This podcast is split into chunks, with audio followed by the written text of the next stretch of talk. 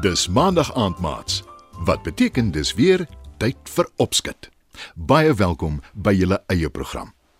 Ek weet julle hou daarvan om na stories te luister en ek weet ook julle hou daarvan as iemand vir julle stories lees. Maar hoeveel van julle hou daarvan om self te lees? Maats, om te lees is een van die beste en lekkerste dinge wat jy kan doen. Hoekom sê ek so? Want wanneer jy lees, gebruik jy jou verbeelding. Wat beteken dit?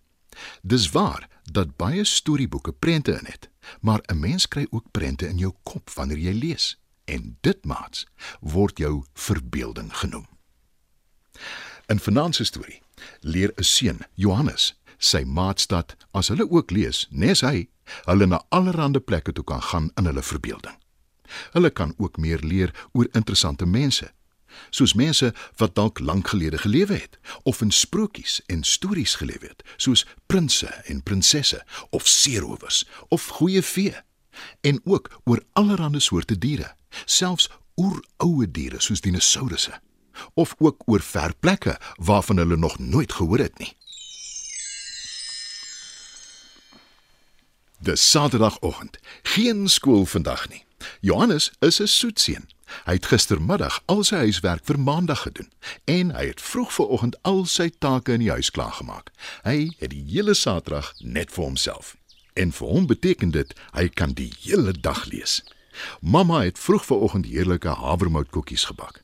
Sy het vir Johannes 'n bordjie vol uitgeskep. "Dankie mamma," roep hy terwyl hy stoep toe stap met sy koekies en sy boek.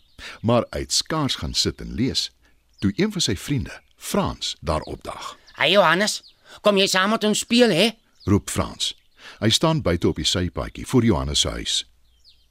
Ja, graag, sodra ek my boek klaar gelees het, antwoord Johannes. Toe voeg hy opgewonde by: Dis 'n storie oor ruimtevaarders en dis so interessant, ek kan dit net nie neersit nie. Ah, jou neus is ook altyd in 'n boek. Ons gaan sokker speel in die park. Dis baie lekkerder as lees, sê Bert, nog een van sy maats wat intussen by Frans aangesluit het. Ja, 'n boek is vervelig.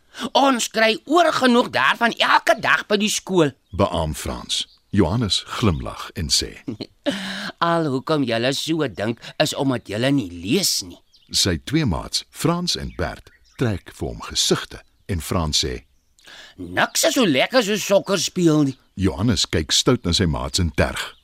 Sokker speel is lekker. Ek strei nie.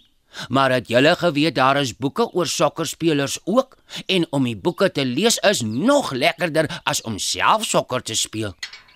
Nou is Frans en Bert sommer vies. Hulle maak die tuinhekkie oop en kom na die stoep toe geloop. Trek dit terug as jy weet wat is goed vir jou, sê Frans vies. Bert op sy sokkerbal op die stoep en sê: "Jy sal maak dat ons nie meer maats wil wees met jou nie." Voordat Johannes kan antwoord, roep die bure se dogter Ella langs hulle grensdraad. "Los vir Johannes uit.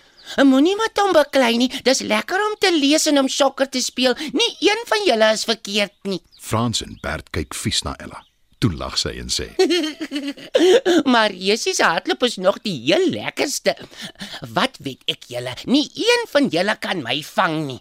"Natuurlik kan ons. Sommer met toe o. Jy's net 'n meisiekind. Jy kan nie vinniger hardloop as ons nie." Roep Bert. Ella lag en sê: "Nou toe, wys my." Sy wil net wegspring toe die maats 'n harde slag hoor. Nee, ek gaan beslis nie in die reënreusies hardloop nie, sê Ella vies. Sy draf vinnig na Johannes se stoep toe en sluit by die ander drie aan. Al die maats is dit eens dat dit glad nie lekker is om in die reën buite te speel nie. Hulle is beslis nie van plan om nat te word nie. Almal kom in die huis in en kyk met lang gesigte by die venster uit na die reën wat uitsak. Johannes hou hulle dop. Toe stel hy voor: Hoekom lees julle nie van my boeke nie? nee, dankie. Ek kyk liewer vir die reën, sê Frans. En die ander stem saam. Maar Johannes stuur hom nie aan sy maats nie. Hy gaan na sy kamer toe en kom terug met 'n hele boks vol boeke. Ag nee. Ek het al vir jou gesê ons wil nie jou boeke hê nie. Ons wag net vir die reën om op te hou, dan gaan ons lekker buite speel. Klaar Ella. Maar Johannes haal 'n boek uit die boks. Hy hou dit uit na Ella en sê: Daar is 'n donderstorm in die boek. Jy kan gerus daaroor lees sommer hardop dat die ander ook kan hoor. "Stel hy voor." Nou is Bert eers vies en hy sê: Lyk my nie jy luister na wat ons sê nie. Ella het hom ons gesê ons wag net vir die reën om op te hou. Maar wat sal ons oor 'n donderstorm in 'n simpel boek wil lees? Dit gaan nie net oor 'n donderstorm nie. Daar is seerowers ook in die boek. Hulle is op soek na 'n skat. Antwoord Johannes. Nou begin Frans belangstel en hy vra: Wat 'n skat? Een wat lank terug begrawe is. Die seerowers het 'n kaart wat hulle wys waar. Nou soek hulle daarna. "Verduidelik Johannes." Dit lyk asof Bert ook nou belangstel. Maar nee, hy begin weer kla oor die nat weer. Dit is lekker om in die huis te moet sit nie. Ek wil buite wees, maar ek wil ook nie nat word nie. Ek begin nou nogal daarvan hou. sê Bert. Johannes het intussen nog 'n boek uit sy boks gehaal en hy sê: Die boek gaan oor 'n padda wat in 'n prins verander. "Nou is Ella se belangstelling geprikkel en sy terg. Ek sal nie omgee as ek nou in 'n prinses verander nie. Dan kan julle my almal bedien. Dit kan jy maar vergeet. Roep Bert. Ella het intussen die boek oor die padda opgetel en sy begin dit te lees. Bert kyk in Johannes se boekeboks. Hy haal 'n boek uit en kyk daarna. Die een gaan oor 'n prinses wat 'n 100 jaar geslaap het. Sê Johannes. Dit is simpel. Hoekom? Wil Bert weet en hy voeg by: En hoe het sy uiteindelik wakker geword? Lees self, dan vind jy uit. stel Johannes voor.